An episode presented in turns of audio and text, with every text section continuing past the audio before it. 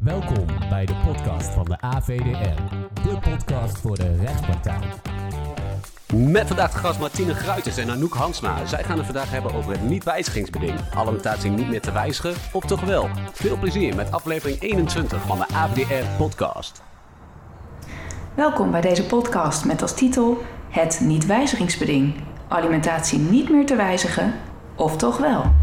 Mijn naam is Martine Gruiters. Ik ben sinds 2007 advocaat en mediator bij Van As Advocaten in Nieuwegein. Daarnaast ben ik rechterplaatsvervanger op de sector familierecht van de rechtbank Gelderland. Ik zit hier vandaag niet alleen, want naast mij zit Anouk Hansma. Ik ben Anouk Hansma, ik ben advocaat en mediator bij Asselbert en Klinkhamer Advocaten in Etteleur. Vandaag zullen wij het met jullie hebben over het niet-wijzigingsbeding bij kinder- en partneralimentatie. Dat zullen we bespreken aan de hand van een casus en diverse uitspraken. Daarbij willen we opmerken dat we de personen in de uitspraken zelf gekozen namen hebben gegeven, om de uitspraken wat meer tot de verbeelding te laten spreken. De casus gaat over Hans en Maxime. Uit een huwelijk zijn twee kinderen geboren. Hans is verliefd geworden op zijn secretaresse. Maxime is erachter gekomen en ze vertrouwt hem niet meer. Na wat relatietherapie gaan ze in 2018 scheiden. De gevolgen van de echtscheiding hebben Hans en Maxime in onderling overleg onder begeleiding van een mediator geregeld. Ze hebben zelf goed voor ogen welke afspraken ze redelijk vinden en dus kiezen ze er bewust voor om geen kinderalimentatieberekening te laten maken, maar om samen gewoon een bedrag af te spreken. Bovendien kost zo'n berekening alleen maar geld en dat kunnen Hans en Maxime wel aan betere dingen uitgeven. Hans en Maxime willen van elkaar en van het gedoe af. Ze vinden rust en zekerheid erg belangrijk en spreken daarom af dat de kinderalimentatie niet meer te wijzigen is. De rechtbank heeft vervolgens de door Hans aan Maxime te betalen kinderalimentatie, overeenkomstig de door de ouders zelf gemaakte afspraak, vastgesteld op 325 euro per kind per maand. Verder is het ouderschapsplan bekrachtigd. In dat ouderschapsplan staat bij het vaststellen van de in artikel 5.1 overeengekomen alimentatiebijdragen zijn de ouders bewust afgeweken van de wettelijke normen en maatstaven. De ouders hebben ervoor gekozen om geen berekening te laten maken. De alimentatiebijdrage kan niet worden gewijzigd. Drie jaar later gaat Maxime naar een advocaat. Ze heeft haar vraagtekens bij de manier hoe Hans en zij destijds tot afspraken zijn gekomen. Ze merkt dat de bijdrage van Hans niet genoeg is om alles voor de kinderen te kunnen betalen. Kan zij de gemaakte afspraak nu nog wijzigen, ondanks dat in het ouderschapsplan is opgenomen dat zij bewust zijn afgeweken van de wettelijke maatstaven en dat de bijdrage niet te wijzigen is? Met andere woorden, staat het ouders vrij om een niet-wijzigingsbeding aan kinderalimentatie te koppelen. De rechtbank Oost-Brabant heeft op 14 mei 2019 met ECLI-nummer 2019-2811 drie prejudiciële vragen aan de Hoge Raad gesteld. De casus die tot de vragen leidde was vergelijkbaar met die van Hans en Maxime. Partijen hadden twee kinderen. Ze waren gescheiden in 2011, maar bleven maar procederen over de zorgregeling en de kinderalimentatie. Tijdens een van die procedures hebben ze een afspraak gemaakt over de kinderalimentatie, 325 euro, en daar een niet-wijzigingsbeding aan gekoppeld. Die afspraak is neergelegd in een beschikking. De vrouw vraagt in 2018 wijziging op grond van artikel 1 punt 401 lid 1 BW, waarin staat dat de alimentatie als gevolg van een wijziging van omstandigheden kan worden gewijzigd wanneer deze niet meer aan de wettelijke maatstaven voldoet. De vragen die aan de Hoge Raad werden voorgelegd luiden als volgt. 1. Is een niet-wijzigingsbeding met betrekking tot kinderalimentatie, gelet op de aard van de onderhoudsverplichting, nietig? 2. Indien het antwoord op vraag 1 ontkennend wordt beantwoord, is een niet-wijzigingsbeding met betrekking tot kinderalimentatie dan wel nietig, wanneer ten nadele van de onderhoudsgerechtigde wordt afgeweken van de wettelijke en in de rechtspraktijk ontwikkelde maatstaven van behoefte en draagkracht. 3. Dient in het geval het beding geldig is en de toets van artikel 1 dubbele punt 159 lid 3 BW moet worden aangelegd, deze toets dan net zo stringent te worden toegepast als bij partneralimentatie, dan wel minder stringent. Op 1 november 2019 heeft de Hoge Raad de vragen van de rechtbank beantwoord. ECLI 2019, dubbele punt 1689. Vraag 1 en 2 worden gezamenlijk beantwoord. voor zover een niet-wijzigingsbeding inhoudt of ertoe strekt dat een toename van de draagkracht van de onderhoudsplictige of van de behoeften van het kind niet kan leiden tot een hogere alimentatie, dan is dit beding nietig op grond van artikel 3, 59 BW, in combinatie met 3, 40 lid 1 BW. De Hoge Raad overwoog voorts dat die inhoud of strekking in strijd is met dwingend rechtelijke bepalingen dat iedere ouder tenminste verplicht is om naar draagkracht te voorzien in de kosten van verzorging en opvoeding van de kinderen. Maar de Hoge Raad acht een niet-wijzigingsbeding dat inhoudt of ertoe strekt dat er bij een afname van de draagkracht van de onderhoudsplictige of van de behoeften van het kind niet gewijzigd kan worden, niet in strijd met de regel dat kinderalimentatie tenminste aan de wettelijke maatstaven moet voldoen. Kortom, wanneer het kind er niet slechter op wordt, dan kan aan een dergelijk beding wel rechtsgevolg toekomen. Dat kan weer anders zijn als de onderhoudsplictige ook nog kinderen heeft uit andere relaties. Dan kan het beding in strijd komen met de regel dat bij het bepalen van de draagkracht ook rekening dient te worden gehouden met onderhoudsverplichtingen jegens andere kinderen. Vraag 3 beantwoordt de Hoge Raad als volgt.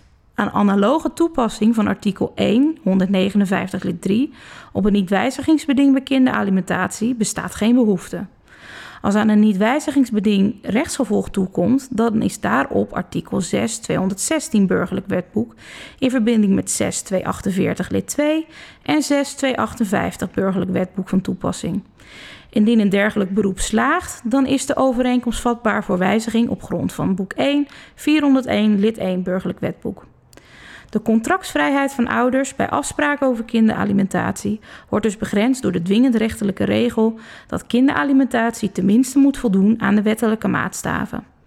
Uit het dwingend rechtelijke karakter van deze regel volgt dat daarvan niet ten nadele van minderjarige kinderen kan worden afgeweken, ook niet als deze afwijking bewust is overeengekomen. In haar uitspraak van 19 maart 2021 werkt de Hoge Raad dit nog eens verder uit. ECLI 2021, dubbele punt 422.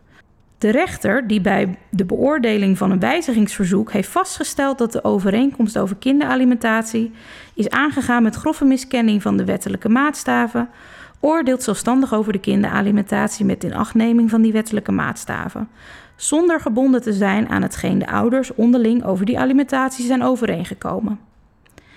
Hieruit volgt dat bij afwijking van de wettelijke maatstaven voor kinderalimentatie ten nadele van kinderen voor de toepassing van artikel 1 401 lid 5 BW niet van belang is of de ouders daarvan bewust zijn afgeweken of dat die afwijking het gevolg is van onjuist inzicht in de betekenis van de maatstaven of doordat zij uitgingen van onjuiste of onvolledige gegevens. De Hoge Raad merkt ten overvloede nog het volgende op. Uit de eerder genoemde prejudiciële beslissing en het oordeel daarin dat kinderalimentatie tenminste moet voldoen aan de wettelijke maatstaven, volgt dat wel ten gunste van minderjarige kinderen mag worden afgeweken van deze maatstaven. Dan is de wijziging van de overeengekomen kinderalimentatie in beginsel niet mogelijk als die afwijking bewust heeft plaatsgevonden. Dat kan anders zijn als de onderhoudsplichtige ouder ook onderhoudsverplichtingen heeft jegens andere kinderen. Desalniettemin is wijziging van afspraken mogelijk als de omstandigheden van het geval toepassing rechtvaardigen van artikel 6 216, 6 248 lid 2 en 6 258 burgerlijk wetboek. Maar wat betekent dit dan voor de casus van Hans en Maxime? Wanneer de draagkracht van Hans hoger ligt dan 325 euro per maand, dan zou het niet wijzigingsbeding ten nadele van de kinderen uitpakken. En dat mag niet volgens de Hoge Raad. Niet-wijzigingsbeding is dan nietig. In dat geval kan Maxime dus een verzoek indienen tot het verkrijgen van een hogere bijdrage. Indien de draagkracht van Hans juist minder dan 325 euro zou bedragen en hij zou de bijdrage willen wijzigen en heeft geen andere minderjarige kinderen, dan is wijziging van de kinderalimentatie in beginsel niet mogelijk, nu de afwijking bewust heeft plaatsgevonden en partijen niet wijzigingsbeding hebben afgesproken. Het niet-wijzigingsbeding is dan namelijk in het voordeel van de kinderen. Over de vraag wanneer er sprake is van een niet-wijzigingsbeding heeft het Hof Amsterdam zich op 11 mei 2021 nog uitgelaten. ECLI nummer 2021, dubbele punt 1491. De overeenkomst tussen partijen moet aan de hand van het Haveltix-criterium worden uitgelegd. Het gaat dus over de bedoeling van partijen en hetgeen zij over en weer in redelijkheid van elkaar mochten verwachten. Maar hoe wordt er geoordeeld over een niet-wijzigingsbeding van partneralimentatie? Dat zullen we aan de hand van een aantal recente uitspraken bespreken. Allereerst de uitspraak van de rechtbank Rotterdam van 12 februari 2021, ECLI 2021 1213. Eind 2018 wordt de echtscheiding tussen Mark en Annette gefinaliseerd. In de beschikking zijn het ouderschapsplan en het convenant opgenomen. In artikel 7.2 van het ouderschapsplan is bepaald dat Mark, met inachtneming van een zorgkorting van 25%, 695 euro per maand zal voldoen aan Annette voor het levensonderhoud van hun zoon. In artikel 12 van het convenant is vervolgens bepaald dat Mark aan Annette vanaf 1 augustus 2018 maandelijks 5000 euro bruto voldoet als bijdrage in haar levensonderhoud. En voor deze bijdrage geldt een niet-wijzigingsbeding. Mark verzoekt de rechter toch om wijziging van de partnerbijdrage in een bedrag van 950 euro per maand vanaf 1 mei 2020 tot en met 31 december 2021. Daarna zal het convenant herleven, tenzij Mark tegen die tijd een toewijsbaar verzoek tot wijziging indient op grond van de als dan geldende omstandigheden. Mark is directeur van een holding die aandeelhouder is in een tweetal ondernemingen die actief zijn in de reisbranche. Mark stelt dat door de huidige coronacrisis de omzet van die ondernemingen met gemiddeld 90% is afgenomen, terwijl de bedrijfskosten gewoon doorlopen. Hij stelt dat hij daardoor zijn inkomen moest terugbrengen tot het minimumloon. Hij heeft nu een inkomen uit arbeid van 1653 euro bruto per maand en een rendement uit privévermogen door de verhuur van onroerend goed van 35.000 euro per jaar. Annette voert aan dat Mark onvoldoende heeft aangetoond dat hij niet meer over de middelen beschikt om de partneralimentatie te blijven betalen en dat er geen sprake is van een wanverhouding op grond waarvan zij geen instandhouding van het niet-wijzigingsbeding mag verlangen. Niet in geschil is dat de reisbranche waarin Mark werkzaam is heel hard getroffen wordt door de coronacrisis en dat partijen bij het aangaan van het niet-wijzigingsbeding geen rekening hebben gehouden met zoiets ingrijpends voor de reisbranche als de coronacrisis. Dit enkele feit leidt echter niet automatisch tot het oordeel dat Mark niet langer de overeengekomen partneralimentatie kan voldoen. In dit geval worden zware eisen gesteld aan de stelplicht van de partij die wijziging verzoekt. De wijziging moet immers in het licht worden gezien van het uitdrukkelijk overeengekomen beding dat het wijzigen van die overeengekomen alimentatie niet mogelijk is op grond van wijziging van omstandigheden. Naar het oordeel van de rechtbank maakt Mark onvoldoende inzichtelijk wat hij voor de coronacrisis verwierf aan inkomen, uit arbeid en uit vermogen. Niet aangetoond is dat er een financiële noodzaak was om het salaris van Mark te verlagen tot het minimumloon. Mark stelt dat zijn huidige inkomen uit arbeid van 1653 euro bruto per maand is. En dat bedrag volgt toch uit de loonstroken die hij heeft overgelegd over de periode juni 2020 tot en met november 2020. Mark laat echter niet zien welke bedragen hij feitelijk ontvangt op zijn bankrekening. Evenmin laat Mark de kaststromen zien op basis waarvan zijn accountant, naar zijn zeggen, tot de conclusie is gekomen dat hij slechts 1653 euro bruto kan verdienen. Daarnaast maakt Mark onvoldoende inzichtelijk dat er voor hem naar maatstaaf van redelijkheid en billijkheid geen mogelijkheid is om meer inkomen te verwerven uit vermogen. Naast zijn inkomen uit arbeid stelt hij weliswaar een bedrag van 35.000 euro te genereren uit vermogen door de verhuur van de panden, maar Mark geeft totaal geen inzicht hoe dit tot stand komt. Omdat de rechtbank niet kan vaststellen wat het inkomen voor de coronacrisis was, en wat het inkomen tijdens de crisis redelijkerwijs kan zijn, komt niet vast te staan wat de inkomensachteruitgang aan de zijde van Mark is als gevolg van die crisis. De rechtbank kan daarom ook niet beoordelen dat de coronacrisis een zo ingrijpende wijziging van omstandigheden veroorzaakt dat Mark naar maatstaaf van redelijkheid en billijkheid niet langer mag worden gehouden aan het niet-wijzigingsbeding. Overigens rust op Mark de plicht gelet op onder andere artikel 20 lid 2 en artikel 21 rechtsvordering, om zijn stellingen direct, althans zo snel als mogelijk, te onderbouwen. Mark heeft tijdens de mondelinge behandeling aangeboden om zijn stellingen nader te onderbouwen, waarop Annette dan weer zou kunnen reageren en die de rechtbank dan zou kunnen bespreken, maar dat vond de rechtbank te laat.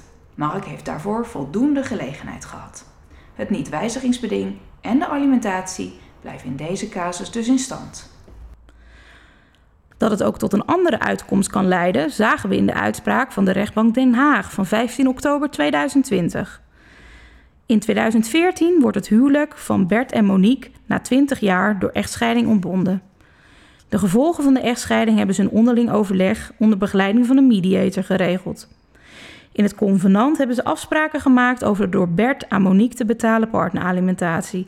Die is vastgesteld op 1395 euro per maand. Artikel 2.5 van het convenant luidt: het in artikel 2.3 en 2.4 bepaalde kan niet bij rechterlijke uitspraak worden gewijzigd op grond van een wijziging van de omstandigheden. Behoudens in geval van een zo ingrijpende wijziging van omstandigheden dat de partij die de wijziging verzoekt, naar maatstaven van redelijkheid en billijkheid niet langer aan het niet-wijzigingsbeding mag worden gehouden, zoals in artikel 1 159 lid 3 van het Burgerlijk Wetboek is bepaald. Partijen verstaan daaronder het geval dat de vrouw veel lagere woonlasten heeft dan de bij de bovenstaande berekening begrote kosten van 1000 euro, omdat de vrouw in dat geval mogelijk meer ruimte heeft dan de man. Onderaan de streep heeft, hij dan meer, heeft zij dan meer over. Indien zulks zich voordoet, zullen partijen eerst met elkaar bespreken of ze tot aanpassing van die bijdrage zullen overgaan. Zes jaar later neemt Bert contact op met een advocaat. Hij wil dat de partneralimentatie opnieuw wordt gesteld. Monique beroept zich op het niet-wijzigingsbeding, maar volgens Bert mag hij daar naar maatstaven van redelijkheid en billijkheid niet langer aangehouden worden. Er is namelijk sprake van een drastische terugval van zijn inkomen doordat hij per 1 juni 2019 is ontslagen. Sindsdien ontvangt hij een WW-uitkering. Monique betoogt dat Bert een ontslagvergoeding van ruim 243.000 euro bruto heeft ontvangen, zodat hij de komende jaren tot aan zijn pensioen zijn inkomen kan aanvullen. Verder zijn de kinderen van partijen over vijf jaar beide ouder dan 21, waardoor de door Bert te betalen kinderalimentatie ook zal komen te vervallen. Daarnaast heeft Bert een erfenis ontvangen en die had hij ook best kunnen reserveren om zijn inkomstenachteruitgang op te vangen. En nou, Monique vindt ook eigenlijk dat hij best wel binnen afzienbare tijd over een nieuwe baan kan beschikken. De rechter vraagt Bert en Monique op de zitting naar wat hem bij het sluiten van het convenant in 2014 voor ogen stond. Bert heeft hierop geantwoord dat partijen met hun afspraken hebben beoogd om onderaan de streep hetzelfde over te houden. Dat volgt ook letterlijk uit de tekst van het convenant. En uit het feit dat Bert jarenlang meer partneralimentatie heeft betaald dan waartoe een alimentatierechter al rekenend zou zijn gekomen. Dat het onder de streep evenveel overhouden destijds de bedoeling van partijen was, volgt overigens ook uit het feit dat partijen in artikel 2.4 hebben afgesproken om eventuele toekomstige bonussen te blijven delen, aldus Bert. Monique heeft aangegeven dat het hun gezamenlijke doel was dat zij zich niet voor elk wisselwasje tot de rechter zouden hoeven te wenden. Monique wenste rust en financiële zekerheid te krijgen. De rechtbank begrijpt dat ook goed en is van mening dat het niet-wijzigingsbeding bij uitstek geschikt is om dit te realiseren. Maar dat neemt echter niet weg dat het ontslag van Bert na 41 jaar uit een goed betaalde functie bij het sluiten van het convenant niet voorzienbaar was en ook niet als een wisselwasje kan worden gekwalificeerd. Daarbij weegt dat de rechtbank van mening is dat een reductie van de woonlasten van Monique naar veel lagere woonlasten dan 1000 euro per maand al voldoende reden zou kunnen zijn om de overeengekomen partneralimentatie te herzien.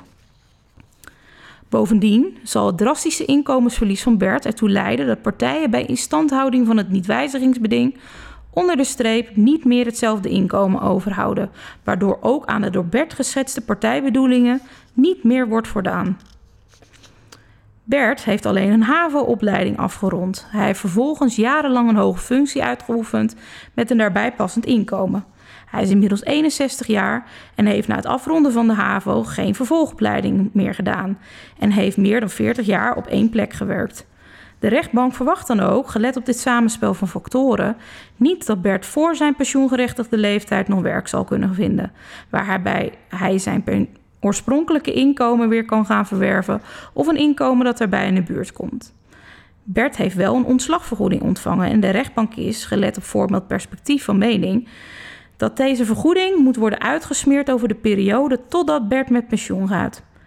En verder is de rechtbank van oordeel dat de erfenis van 160.000 euro die hij heeft ontvangen buiten beschouwing moet blijven, aangezien deze tot uitkering is gekomen ruimschoots na de scheiding tussen Bert en Monique. En de erfenis is ook nog eens deels te goede gekomen aan de kinderen van hun. Bert ontvangt nu een WW-uitkering van 3000 euro bruto per maand, terwijl hij voorheen een inkomen van meer dan 8000 euro bruto per maand had. De rechtbank acht een dergelijke inkomensachteruitgang ook als rekening wordt gehouden met de ontslagvergoeding en op een, een, een op den duur lagere of afwezige bijdrage voor de kinderen een zeer ingrijpende wijziging van omstandigheden. Al met al is de rechtbank van oordeel dat sprake is van een volkomen wanverhouding tussen wat partijen bij het sluiten van het convenant voor ogen stond en wat zich in werkelijkheid heeft afgespeeld. Dit brengt mee dat de werkloosheid van Bert, gezien de aanzienlijke inkomensachteruitgang die daarmee gepaard is gegaan, een zo ingrijpende wijziging van omstandigheden oplevert dat Bert naar maatstaven van redelijkheid en billijkheid niet langer aan het niet-wijzigingsbeding kan worden gehouden.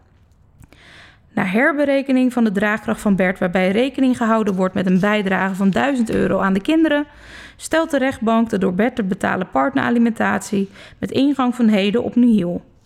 Bert heeft weliswaar verzocht om de onderhoudsbijdrage met ingang van 1 juni 2019 op nihil te stellen. Maar de rechtbank acht het, gelet op het feit dat Monique de door haar ontvangen partneralimentatie al heeft uitgegeven en het feit dat Bert al die tijd gewoon de alimentatie heeft voldaan, redelijker om de datum van de uitspraak te hanteren voor de nihilstelling. Ondanks het niet-wijzigingsbeding is de alimentatie voor Bert dus toch te wijzigen. Maar hoe zat dat dan in een zaak waarin het niet-wijzigingsbeding niet in een convenant, maar in een verzoekschrift was opgenomen en dus niet zelf door partijen ondertekend was? Ja, daarover heeft het gerechtshof Den Haag zich gebogen op 9 juni 2021 in het ECLI-nummer 2021-1051.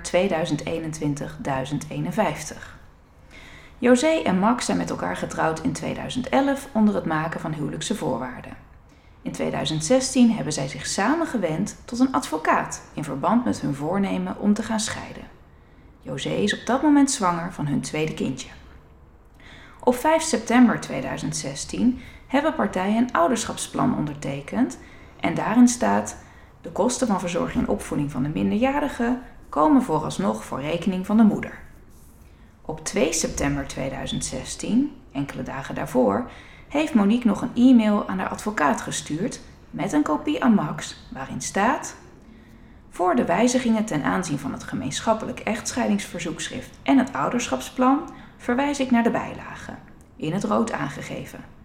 Verder wil Max dat in het gemeenschappelijk verzoek uitdrukkelijk vermeld staat dat partneralimentatie wordt uitgesloten en dat er een niet-wijzigingsbeding wordt opgenomen. Op 6 september 2016 hebben Max en José een gemeenschappelijk verzoekschrift tot echtscheiding, ondertekend door een gezamenlijke advocaat, in laten dienen. Het ouderschapsplan is als bijlage gehecht aan dit verzoekschrift. In het verzoekschrift is het volgende over de partneralimentatie opgenomen.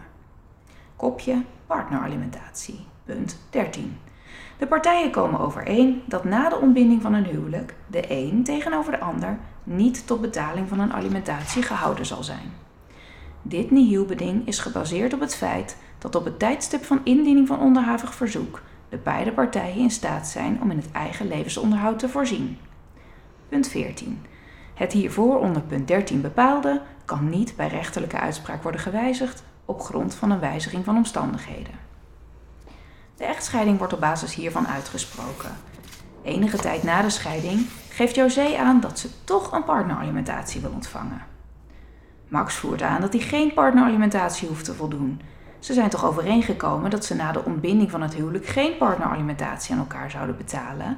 En bovendien is er sprake van een niet-wijzigingsbeding.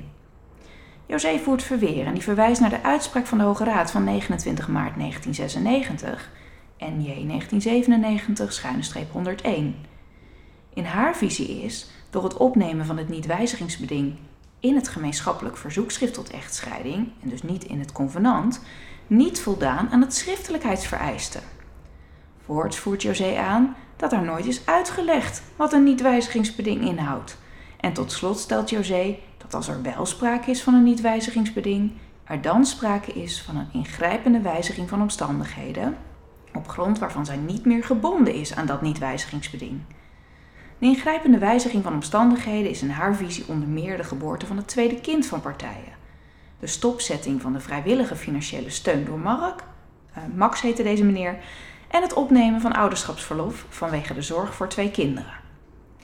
Max voert aan dat voor het aangaan van een niet-wijzigingsbeding het niet noodzakelijk is dat partijen zelf het niet-wijzigingsbeding ondertekenen.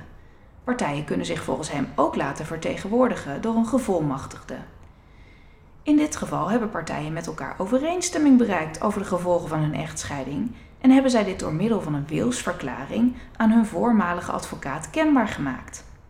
Vervolgens heeft deze advocaat in het gemeenschappelijk verzoekschrift tot echtscheiding opgenomen dat partijen de gevolgen van hun echtscheiding onderling hebben geregeld.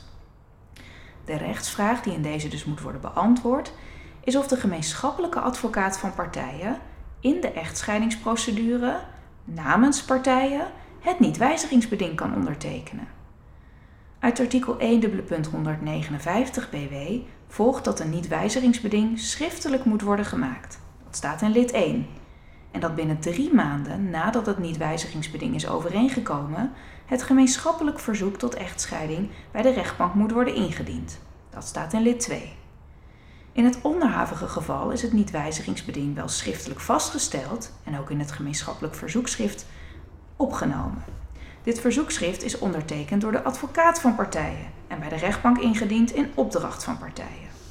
Gezien het feit dat de gemeenschappelijke advocaat beide partijen vertegenwoordigde, acht het Hof beide partijen ook gebonden aan hetgeen zij ter zake de partneralimentatie met elkaar zijn overeengekomen. José is naar het oordeel van het Hof dus gebonden aan het nihilbeding en aan het niet-wijzigingsbeding. Op grond van artikel 159 lid 3 BW kan een overeenkomst over partneralimentatie ondanks een niet-wijzigingsbeding worden gewijzigd op grond van een zo ingrijpende wijziging van omstandigheden dat de verzoekende partij naar maatstaven van redelijkheid en billijkheid niet langer aan het beding mag worden gehouden. De door José aangevoerde bijzondere omstandigheden, de geboorte van het tweede kind, wegvallen van de vrijwillige steun van Max en haar ouderschapsverlof, zijn naar het oordeel van het Hof echter geen ingrijpende omstandigheden.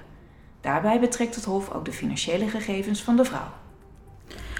Conclusie is dus dat bij een doorbreking van het niet-wijzigingsbeding bij partneralimentatie het valt of staat met een goede onderbouwing.